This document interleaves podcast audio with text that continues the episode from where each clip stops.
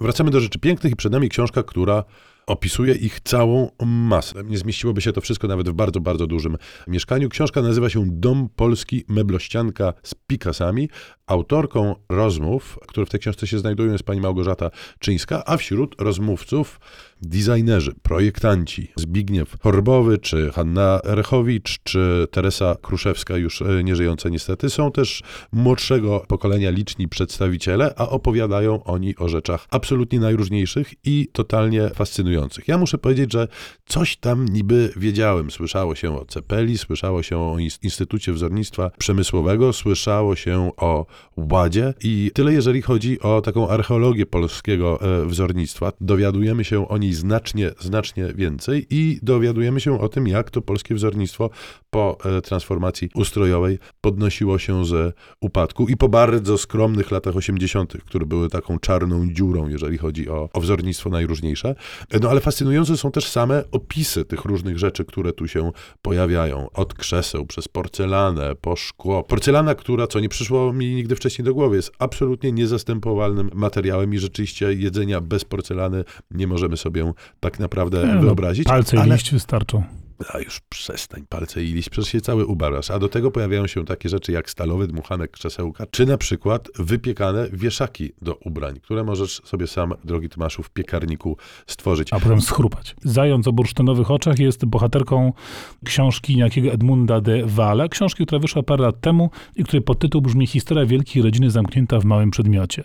To jest bardzo w sumie prosty, ale skutecznie i umiejętnie przeprowadzony pomysł, no bo ten drobny przedmiot, który trafia do autora, bo to jest taka reportersko-autobiograficzna saga rodzinna, ale i historyczna.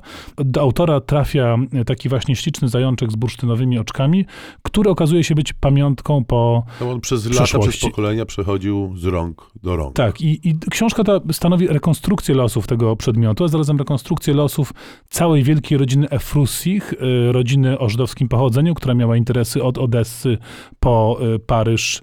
Przegląda się w tej opowieści historia XIX i XX i troszkę XXI wieku, więc wychodzi z tego taka wielka saga rodzinna, ale te przedmioty, te bibeloty, te drobiazgi, które czasami potrafią przetrwać wiele historycznych zawieruch, stają się takim nośnikiem wiedzy i pamięci. Bardzo ciekawy i interesująco przeprowadzony pomysł. Natomiast następna książka, książka poświęcona historii sztuki, jest myślę adresowana do absolutnie wszystkich, w tym do tych, którzy historii sztuki nie cierpią i nie lubią i do dzieci. Gdyż jest to książka napisana i narysowana z myślą o czytelniku dziecięcym właśnie. Narysował tą książkę wspaniale Krzysztof Gawronkiewicz i na tym właściwie mógłbym poprzestać, bo e, Krzysztof Gawronkiewicz wszystko, co robi, robi e, wspaniale. Wszyscy, którzy lubią komiksy, mu... znają go doskonale i to od jak najlepszej strony. Tak, tu wystąpił w roli ilustratora, natomiast tekst napisał znany warszawski kurator, krytyk sztuki Gorczyca i jest to powieść. Jest to powieść dla dzieci, która opowiada historię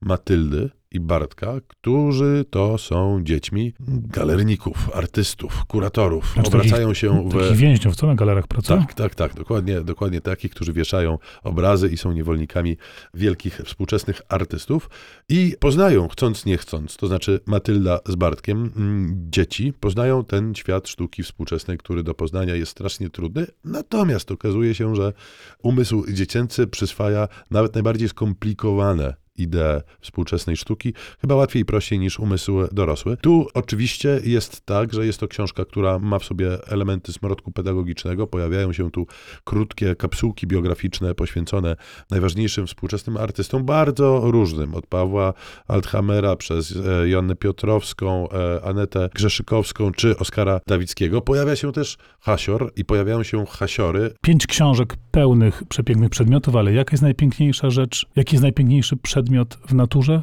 Płatki śniegu oczywiście. Posłuchajmy zatem Let It Snow w wersji Sila.